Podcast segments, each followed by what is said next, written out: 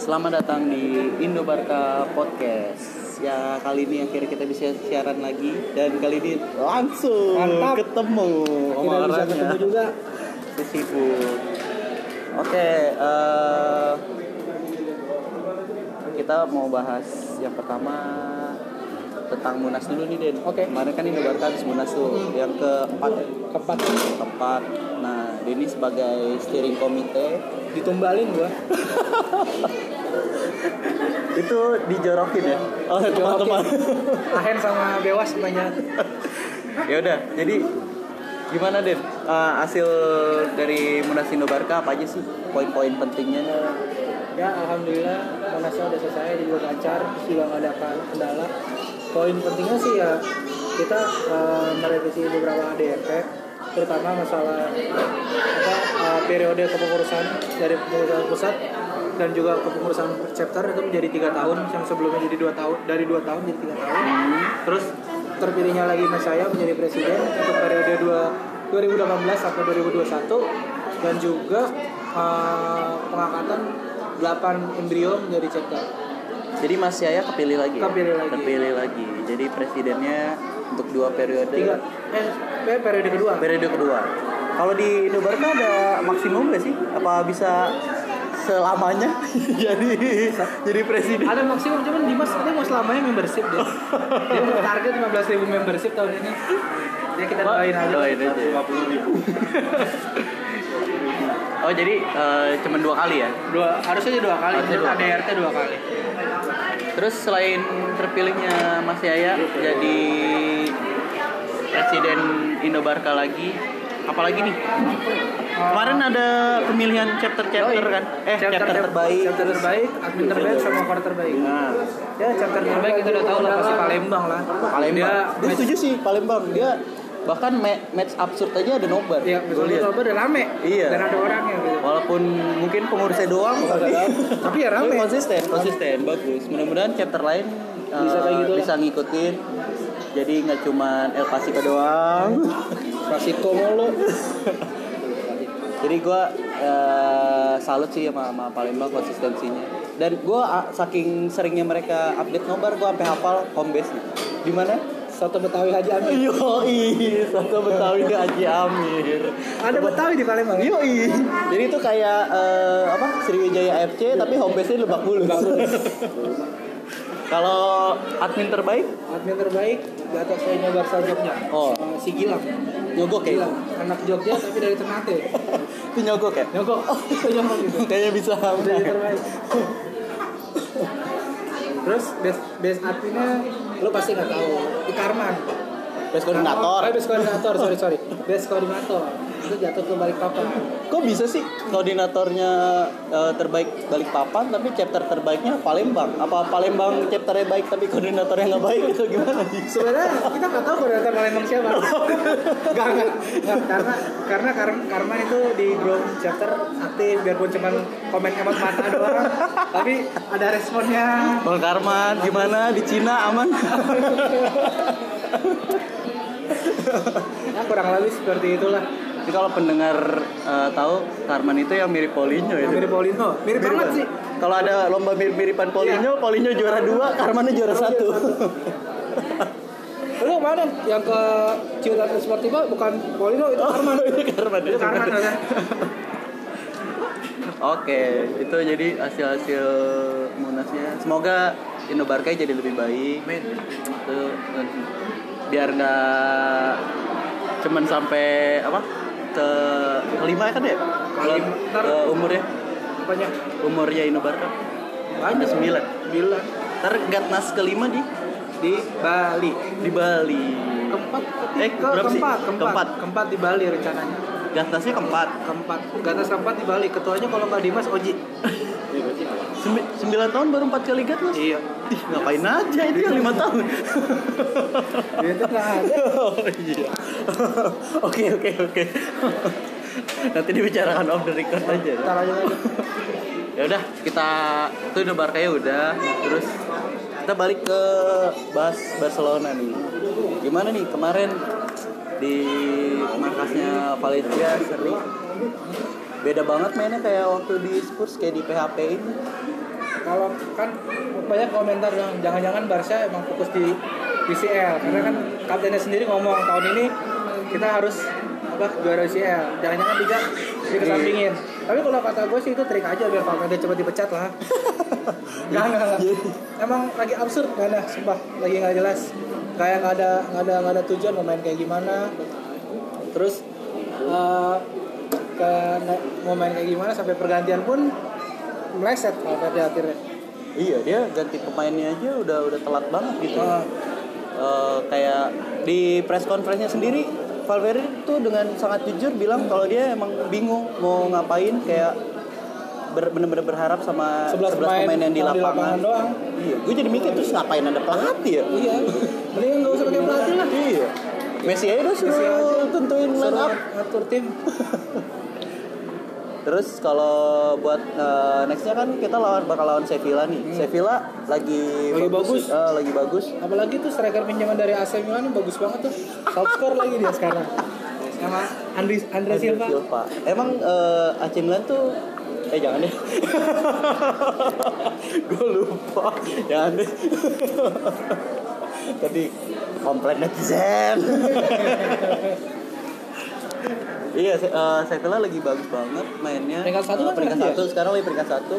walaupun cuma sisi gol cuman Eh, jadi eh, pas abis international break yang sangat tidak penting ini kita akan main lawan Sevilla. Gimana Sevilla. peluangnya? peluangnya peluangnya 50-50 masih kalau kalau Barca mainnya kayak gini masih masih bisa menang kalau atau seri kecuali kalau kalau udah stabil lagi lah Ap- apalagi sekarang ada wacana bakal balik 4-4-2 lagi karena Valverde ngerasa sayapnya Barca musim ini malah, malah menurun ketimbang musim lalu Padahal Sevilla sebenarnya di musim-musim kemarin juga ya nggak nggak terlalu men- menyulitkan Barca ya. Mancing kan ganti formasi jadi 352 kalau nggak salah Itu yang mungkin yang bikin Iya. perubahan. ya. Ya seharusnya pelatih harusnya kayak gitu. harusnya Jadi dia tahu gitu kalau misalnya mentok harus bisa dilakuin perubahan, jangan pasrah-pasrah aja. Pelatih kok maunya ditolongin Messi dulu. ini yang kita rubah pelatih aja lah jangan. Kalau kalau ngomong ganti pelatih nih, kalau menurut lu siapa nih? kemarin kan wacana Henry tahu Henry malah sign sama Monaco sekarang Iya, dia gantiin, Leonardo Jardim. Leonardo Jardim. Banyak pandit-pandit eh, Barca di luar tuh malah pengennya kalau nggak Pimenta, Martinez pelatih kadet. Kadet apa kadet? ya? Kalau kadet kadet A katanya.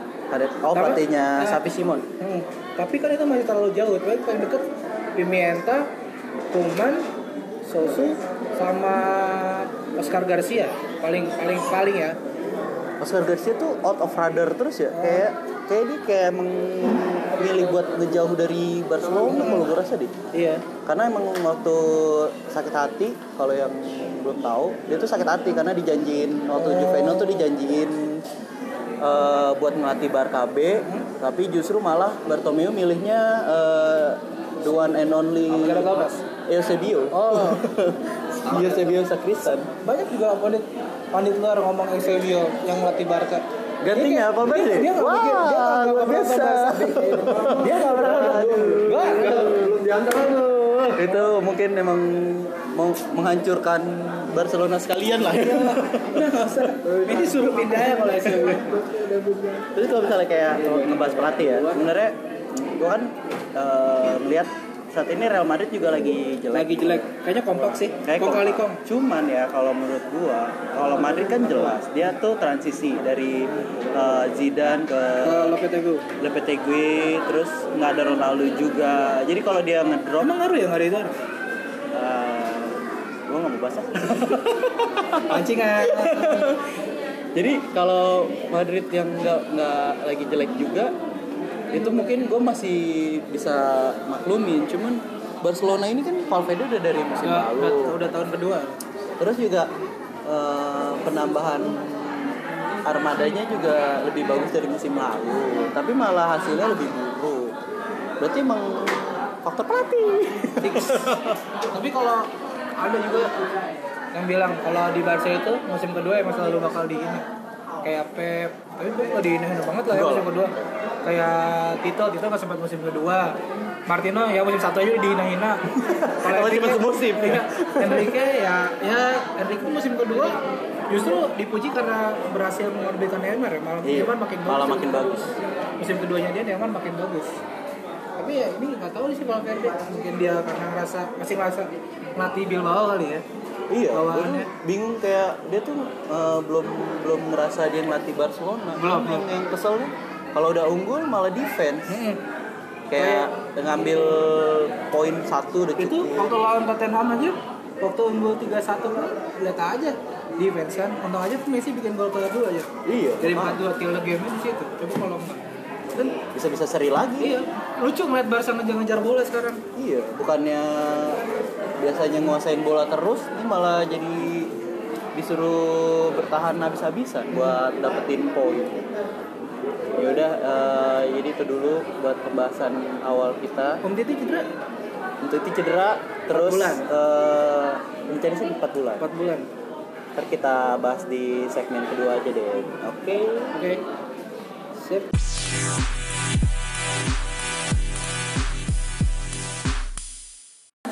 Oke, balik lagi di Indo Barca Podcast. Setelah tadi di awal kita udah bahas performa Barca yang emang masih jelek lah dibilangnya belum belum sesuai sama ekspektasi kita semua setelah datangnya banyak-banyak pemain. Eh, terus dapat berita buruk juga kan Den ya? Yap. Eh, untuk masalah sebenarnya lagi lagi rapuh di belakang, lagi jelek di belakang. Eh justru ditambah sekarang eh Umtiti cedera Permalon juga tadi malam malam eh, cedera pas eh, bela timnas Belan- eh, Belgia. Kalau Vermaelen itu dia diprediksi sih bakal absen sampai akhir musim. Eh akhir musim akhir bulan. Jadi eh, sulit mengharapkan dia nanti akan main di El Clasico. Sementara kalau Om Titi dia sebenarnya harusnya cederanya nggak lama. Kalau bisa eh, jadi tim tim medisnya itu kayak kayak mau nyuntikin sesuatu ke lututnya gitu. Kalau berhasil dia akan absennya nggak lama. Tapi kalau misalnya dia harus dioperasi itu yang bikin lama Den. Jadi dia bakal absen sampai sekitar 4 bulanan bulan. kalau kalau sampai harus dioperasi lututnya. Februari berarti ya Februari. Februari itu baru sembuh dan nah itu bener-bener kehilangan banget sih kalau banget itu Bang. karena menurut gua Um Titi ya lagi eh, untuk saat ini ya Ah. eh, untuk untuk saat ini lebih bagus daripada Pique. ya betul Jadi se- sebagai pemain eh, defense terbaiknya Barcelona tuh saat ini Um Titi. Nah, gimana Den menurut lu sekarang berarti kita cuma punya Lenglet sama Pique sama doang. Pique iya. kondisi yang ini sih kalau menurut gue kondisi yang yang buruk lah sekarang kalau se- sekarang sisa back, back tengah cuman praktis cuman Lenglet sama Pique ya Iya. Lenglet Pique dan back kanan juga seri di Roberto dan Semedo kiri juga praktis cuman Alba doang berarti kan Robert Sergi- Sergi Roberto juga sebenarnya lagi cedera kan? cedera juga Lagi cedera Oh. juga. wah Bali pakai krisis parah ya berarti perhitungan melepas Mina salah sih sebenarnya kemarin kalaupun emang dibutuhin berarti salah tapi kan katanya sekarang dengan kondisi kayak gini ada agenda dadakan Barca harus mendatangkan satu back back baru gitu, back tengah yang harusnya emang musim kemarin didatangkan malah jadi lenglet tau taunya Matis Delik ya katanya mau didatengin dari Ajax katanya sih manajemen udah bersedia 60 sampai 70 juta buat datangin dia buat nambal posisi Umtiti dan juga buat beli back right foot satu lagi Buat, karena kan eh, ini iya. ya BKP Pique. back ya? kaki Pique karena kan dua back ini eh, kaki kiri semua Om Titi sama Lenglet kalau kalau lu dari lu sendiri setuju gak sama Matis Delight? Gue sih jarang-jarang nonton ya matchnya. Hah? Terus kebetulan semalam ada Argentina Belanda Belanda Argentina- Jerman. Belanda Jerman Iya ada Belanda Jerman. Terus gue nonton deh tuh eh, karena penasaran emang. Eh, pas gue nonton sih dia beberapa kali blunder. Cuman emang eh, Belandanya clean sheet sih. Iya. Cuman kalau menurut gue sih itu lebih karena faktor Jermannya aja yang lagi bapuk. Dia kalau gue kalau itu itu tiga kali lah belum blunder blunder bahaya. Karena masih muda juga kan dia baru 18 18 tahun. 18 tahun. Jadi gimana dia?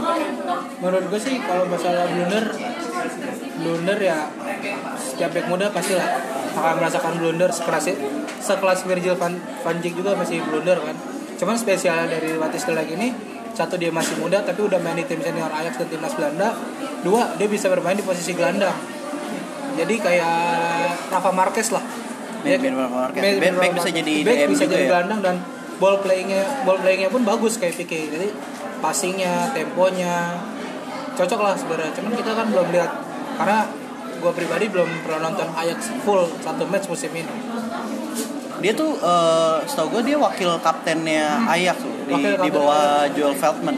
Joel Batman dia wakil kapten Iya, baru Di usia 18 tahun semuda itu. ah, udah udah dikasih tanggung jawab buat jadi wakil kapten.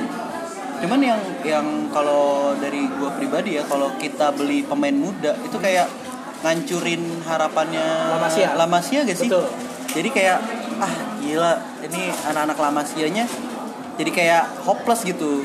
Oh eh, Yang dipakai ah, bakal pemain luar juga ya? pemain-pemain luar juga kecuali misalnya kita beli back yang udah jadi gitu yang udah emang udah matang bukan bukan back muda itu wajar lah tapi kalau misalnya kayak eh, back, muda juga, itu bukannya bakal matiin betul sih eh, pemain-pemain La- Lamasia ya cuman satu juga ya satu kondisi Lamasia juga belum ada nama yang suksesor bagus ya di back ya sampai sekarang belum dengar dari Juvenil pun juga belum dengar dua juga kita punya pelatih yang nggak suka pemain muda sendiri gitu ya kan pemain Iya sih. muda Valverde menit, menit bermain pemain Lamasia aja nggak ada alainya dijanjin tim pertama musim ini aja bahkan juga nggak bermain iya susah malah. sih ngarepinnya tetap kita harus ngarepin dari beli mau nggak mau dengan kondisi pelatih kayak gini kecuali pelatih kita sendiri punya punya Barca DNA punya punya tahu sistemnya Barca main dengan sistem bukan dengan materi pemain sih itu aja sih kan susah jadinya Makanya, eh, jadi kita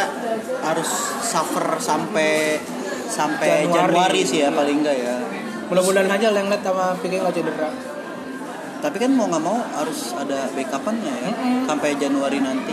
Kalau di gue baca di sport sih eh, bakal majuin back-back dari Barca B. Itu Terutama, siapa kalau gitu? terutama Moncu. Moncu ya? Eh, iya. Eh, dia juga emang lagi bagus sih di Barca B. Barca B lagi bagus emang. Borja juga udah nggak ada Borja udah nggak ada Borja udah nggak ada. Sebenarnya eh, kalau misalnya emang terpaksa banget, mungkin kayak Sergio Busquets lah dijadiin jadiin back back tengah kayak zamannya Hetore berarti Iya, pas pas kayak ya Tore dijadiin back atau Mascherano yang jadiin back bakal bakalan kayak gitu sih kalau menurut gua nanti kedepannya karena emang mau nggak mau ya lo harus eh, em, yang ada nih harus di- bener-bener dimaksimalin sampai transfer window Januari kalau mau tambah pemain terus gue masih penasaran sama Malcolm sih ini kenapa ya Eh, kayak kemarin lawan eh, Valencia dia sebenarnya masuk squad kan masuk squad masuk squad tapi sayangnya nggak Nggak ada iya di bench pun nggak ada nggak ada apakah emang bener ini Valve- bukan pemainnya Valverde hanya akal-akalan board aja atau gimana sih cuman harus kalau bukan Valverde gimana kalau bukan ingin Valverde kenapa Barca harus dapat bajak sih ya sebenarnya Iya, itu- makanya. itu perhitungan cuman sebenarnya dia tuh bagus bisa jadi opsi di kanan dengan dengan dia di kanan kita geser Messi ke tengah jadi jadi nomor 10 Hmm. itu menurut gue sih bagus sih saat dua dua punya kecepatan ketimbang gelandangnya stuck di Rakitic maka Iya, Rakitic, Rakitic mentok-mentok diri. ah, karena di sisi kanannya sebenarnya saat ini Barca lagi jomplang banget Jomplang. sih. kanan sama kirinya kalau kirinya kan udah eh, kombinasi Alba Coutinho nih udah udah oke lah cuman yang sisi kanannya emang jomplang banget makanya eh, kalau misalnya bisa sedikit aja ngasih kesempatan Welcome seharusnya sih kita bisa ada opsi lain ya Bisa. karena kan eh, percuma lah lu walaupun lu bukannya pilihan lu nih misalnya tapi lu udah ada gitu kan udah ada iya dan, dan dan itu pemain bagus bukan iya pemain, pemain bagus bukan pemain pemain pemain murahan jadi kenapa nggak dimainin aja terus gue juga mau bahas Suarez nih Suarez kan lagi lumayan dapat sorotan nih beberapa pertandingan mainnya nggak tahu sih kayak orang bingungan gitu sekarang kalau kalau misalnya emang harus ada penggantinya siapa kira-kira pengganti pengganti gua kalau dari luar ya kita bahas dari luar dulu dari luar se semata-matanya striker gue pengen Icardi gue pengen banget Icardi bad boy terus bad boy sama kayak Suarez lah profilnya bad boy terus juga dia punya postur yang bagus La dan Masia mobile juga ya? La Masia dan La dia Masia mobile juga. satu itu dia mobile kayak gol terakhir kemarin dua partai lawan Inter dia eh di UCL lawan Tottenham ya kalau nggak salah dia gol menit terakhir dan itu first time di ruang kotak Ini penalti lu- dari luar ya, bisa Iya, itu bisa ngambil spesial dari banget luar gitu. menurut gua. Itu striker striker striker hebat lah menurut gua. Sayang sih kalau misalkan Barca nggak nggak ngincar dia. Cuman kalau untuk dari dari La Masia tetap gua prioritasin Abel Ruiz. Jangan sampai lah dia kayak Jean Marie Dongo. Yang udah digadang-gadang Jen Mary karena Dongo. kan. udah nggak Masih ada inget kabar, aja. udah udah nggak ada kabar sekarang dia. Sekarang mana ya? Terakhir sih di Liga Liga 3, Liga 3 apa Liga 2 Spanyol loh. Terus Oh, buat masih buat di Spanyol. browsing. Kalau ngebahas Suarez, gue jadi pengen ngebahas Paco. Paco apa Paco. Paco sih? Paco. Paco Alcacer. Dia kan lagi moncer banget nih. Wah, super sub di Dortmund. Iya, super sub di Dortmund. Eh, kemarin dia masuk jadi pemain pengganti pas lawan Augsburg, nyetak hat-trick. Hat-trick. Terus pas kemarin lawan eh, Wales eh, cetak gol 2, cetak gol 2. Terus sampai eh, sampai Enrique bilang kalau dia tuh pemain spesial katanya. Padahal di zaman Enrique juga jarang main juga ya. Jarang main. Karena emang eh, kebetulan sih kalau menurut gua kalau pas lagi Enrique ngelatih itu Suarez lagi canggih-canggih. Iya, lagi bagus-bagus. Jadi makanya nggak nggak kepilih. Gimana Den ngelihat ngelihat Alcacer yang bersinar di tim lain? ikhlas sih kayak Dortmund Dortmund emang udah bakal bakal beli dia sih di Juni Juni tahun depan itu deadline-nya dan Dortmund katanya beli dia cuman 3, 23 juta 23. cuman 23 juta doang striker kayak gitu siapa yang gak bakal dibeli Iya. striker striker sekarang udah pada mahal Dengan apalagi udah terbukti ya. Udah terbukti kan, ibaratnya udah udah main di udah liga kan. iya, ter- Udah cetak udah gol. terbukti cetak gol terus. Dortmund peringkat pertama lagi sekarang Nah, eh, ada satu nama lagi yang dikait-kaitin sama Barca nih. Eh, agak susah nama depannya, pokoknya nama belakangnya Piatek. Oh, Striker Lukas Genoa. Piatek ya, itu sih. Christoph Christoph Piatek gitulah. antar berantah tau tau Iya. Gue Golin. eh, kalau nggak salah dari Krokovia apa gitu. Oh, dari Polandia Eh, lah. dari- terus masuk Genoa, langsung eh, Golin. dia golin terus kan. lawan Lesnya 4 gol terus eh, langsung deh tuh di kait-kaitkan lah biasa sama klub-klub Biasa. besar. Kalau menurut lu gimana nih Menurut peluangnya? peluangnya masih 30% lah 30% cuman dia kan belum belum terproving Belum terlalu- terlalu belum kelihatan lawan, ya. belum lawan tim besar lah ibaratnya belum ketahuan masih masih dipantau cuman potensi ada sih kalau ngeliat dia mainnya tuh striker striker banget lah striker banget di kotak penalti gol-golnya juga nggak gol-gol cuma nunggu tap in doang nggak tap in tap in doang Nggak, nggak Bola tap in tinggal colek masuk A- ada tuh yang gitu eh, ada, ya? ada, Ada, lah. ada. Pocher sejati Pocher ya? sejati lah. bukan bukan Inzaghi bukan Bukan bukan bukan bukan, bukan, Ada. Inzaghi ya. Ada lah pokoknya. Barca emang harus punya striker yang kayak gitu sih kayak kan kalau gue sih pengen dari luar tetap Icardi Icardi menurut Iya. gue Tapi kalau misalnya gue baca di eh, twitternya nih banyak yang emang pas ketika ada nama Abel Ruiz dari Barca B hopeless karena yang sama kayak yang lu bilang sama Iya. pelatihnya Valverde Soalnya Nah, kalau di Valverde pemain akan muda akan susah sebagus apapun dia sebagus apapun dia Alena pun juga nggak masuk kan iya Se- semalam Barca B menang 3-0 iya Harsalena 2 gol Salah terus dua eh, gol Mujika satu. Mujika. Nah, Mujika ini juga sebenarnya prospek juga nih. Setelah dia cedera panjang, terus ba- eh, comeback, dia udah 4 gol kalau nggak salah di liga. Bisa jadi opsi juga sebenarnya. Cuman ya kembali lagi pelatih kan pelatihnya, pelatihnya yang agak-agak ya gimana ya susah ngarepinnya sekarang ya. Oke, kemarin gue baca di berita nih, eh, katanya dia udah ketemu sama Bartomeu, terus kayak ngebahas ngebahas proyek masa depan Barca dan yang buat gue sedih adalah ternyata direksi itu puas dengan puas dengan kinerjanya Valverde katanya Puas Gih, gimana? puas gitu gue nggak ngerti deh puas puasnya dari segi apa karena eh, kalau menurut gue ya dari sekarang aja kan berantakan dia punya pemain bagus tapi nggak nggak di- nggak bisa dimanfaatin Eh, ya semoga aja sih direksinya terbuka. Jadi kita bukannya mau ngejelek-jelekin pelatih sendiri ya, cuman Tapi emang udah jelek. emang udah udah kelihatan gitu. Udah kelihatan dari dari, Dari- dari musim lalu pun kalau ya hilangin aja lah Messi, hilangin Mauro Messi. Pasti nggak akan jadi apa-apa dari musim lalu. Iya. eh, jadi emang ketolong Messi mulu, Iya, ketolong. ketolong Messi mulu. Makanya kalau misalnya Barca ganti pelatih tuh harus yang bener-bener dia udah siap sama mental Barcelona yang apapun gimana hasil pertandingannya ya nggak nggak defense lah karena kita kayak Barcelona tuh emang emang nggak bisa defense Jadi ya. defense. Barcelona kalau defense malah kalah. Iya, Mendingan karena dia- emang mendingan belakangnya dia tuh kan. sebenarnya nggak bagus-bagus banget Iya. kan. Ya lu bayangin aja dari kecil udah udah di skemanya udah dibuat sedemikian rupa kalau ya tugas itu nyerang bahkan dari belakang pun udah harus bisa maju Iya. kan. Dari Pique udah udah harus bisa ngalirin bola bukannya bertahan. Nggak ada yang bertahan buang bola sembarangan tuh nggak ada. Nah, itu yang yang sayangnya ketika era Valverde jadi kelihatan Jadi kayak gitu. kelihatan. Apalagi dengan keta- ketara banget dengan dia mainin rakitik terus.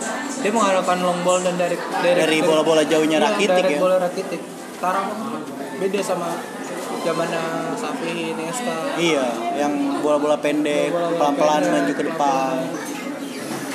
Ya udah, eh, itu buat segmen keduanya. Nanti abis ini kita bahas berita-berita terbaru tentang Barca. Ada gosip yang tentang Messi ditawarin gaji tiga kali lipat. Tapi ntar kita bahas ntar ya. Oke.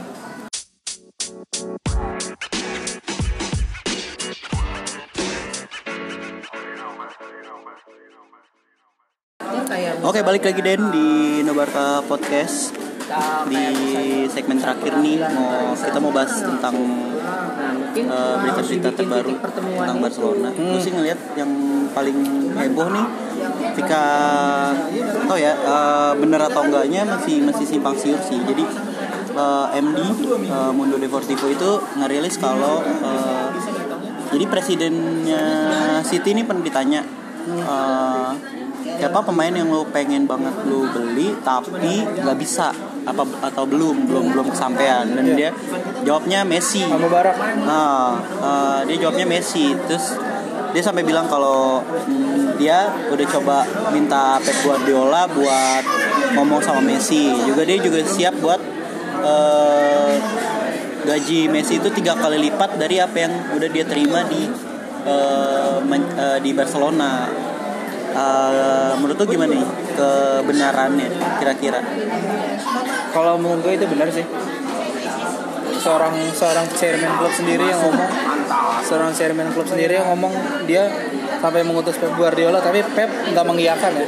Iya. Nggak nggak tahu menutupi atau kenapa, cuma Pep nggak mengiyakan dan dan emang kalau emang benar Messi menolak sampai tiga tiga kali juga ya tiga kali dengan tawaran gaji tiga kali per tiga kali lipat sekarang gue sih udah kan? udah udah udahlah Messi udah statusnya udah le- udah legend banget lah udah udah udah sepatutnya dihormati lah di Barca dengan kondisi dia menolak gaji ini lah. loyalitasnya udah nggak perlu ditanya lagi lah Iya, karena kan emang eh, Barcelona sendiri juga pengen eh, perpanjang kontraknya Messi setahun lagi tuh tahun lagi ya dari yang harusnya 2021 jadi 2022. 2022. Ya mungkin ini juga kayak triggernya dari penyataan pihak City juga kali ya buat eh, dari boardnya jadi mikir takutnya kehilangan kayak Ronaldo kan. Namun gue gue rasa sih kalaupun pindah ya waktu itu pernah kita bahas juga ya. ya benar Ba- pasti bakalan pindahnya paling ke Newells Newells dia Di- pengabdian Iya, targetin. terakhirnya ya Iya, pengabdian terakhirnya buat Newells doang sih. Tapi kan dia kan bilang dia dia bakal pindah dari Barca saat Barca bilang gue udah nggak butuh Udah lo, nggak butuh. gue udah nggak butuh lo, baru dia akan pindah. Tapi selama Barca, Barca masih butuh dia, dia bakal tetap main di Barca. Dan kita lihat sekarang Barca juga masih butuh sih, butuh banget masih butuh banget. Cuman kita nggak tahu kan ke depannya. Nah, terus kalau tentang Messi lagi nih. Tapi yang ngeluarin pernyataannya adalah Maradona. Maradona. Iya. nah. Messi katanya bukan seorang pemimpin. Iya, Messi katanya bukan seorang pemimpin. Jadi kayak gue ngutip ngutip ucapannya Maradona.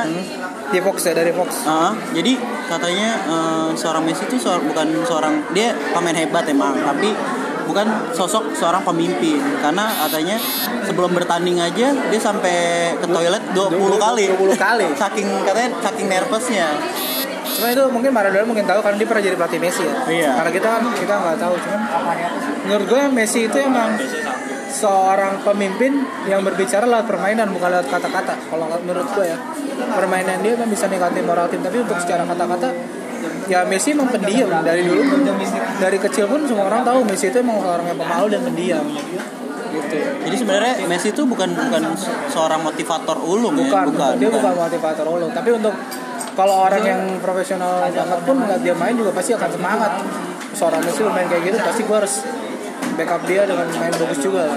Iya. Eh, makanya ada ada wacana yang yang dari Maradona Maradona sendiri bilang kalau kalau misalnya memang Argentina mau eh, Messi bermain seperti layaknya Messi di timnas, ya udahlah copot aja tuh ban kaptennya, Iya, ban kasih kasih ke orang lain buat mimpin biar Messi eh, lepas beban di timnas nih di timnas siapa ya di Argentina yang cocok ya? Mas Rano Masalahnya bukan di pensiun, di pensiun ya. terbalik lagi. Ya nggak apa-apa. Ya udahlah Caballero aja lah. Milik kapal Petro Itu parah banget sih Pak Aduh Jadi terngiang-ngiang lawan Kroasia kan Asis ya? Asis ya Luar biasa loh Caballero ngasih asis ke striker Kroasia Kroasia. Ivan Perisic kalau salah ya? Bukan. Eh Kamarik. Kramarik ya? Ya.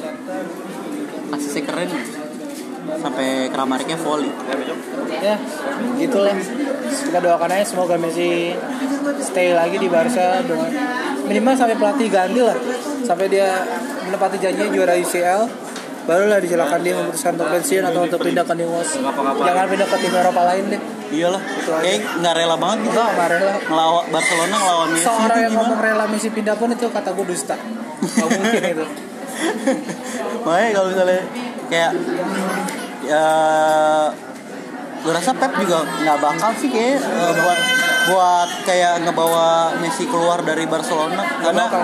Pep pasti tau lah eh, hatinya Messi. tapi sih gue menunggu janji Pep ya katanya bakal mengakhiri karir di Barcelona Tapi kan di Barca KB.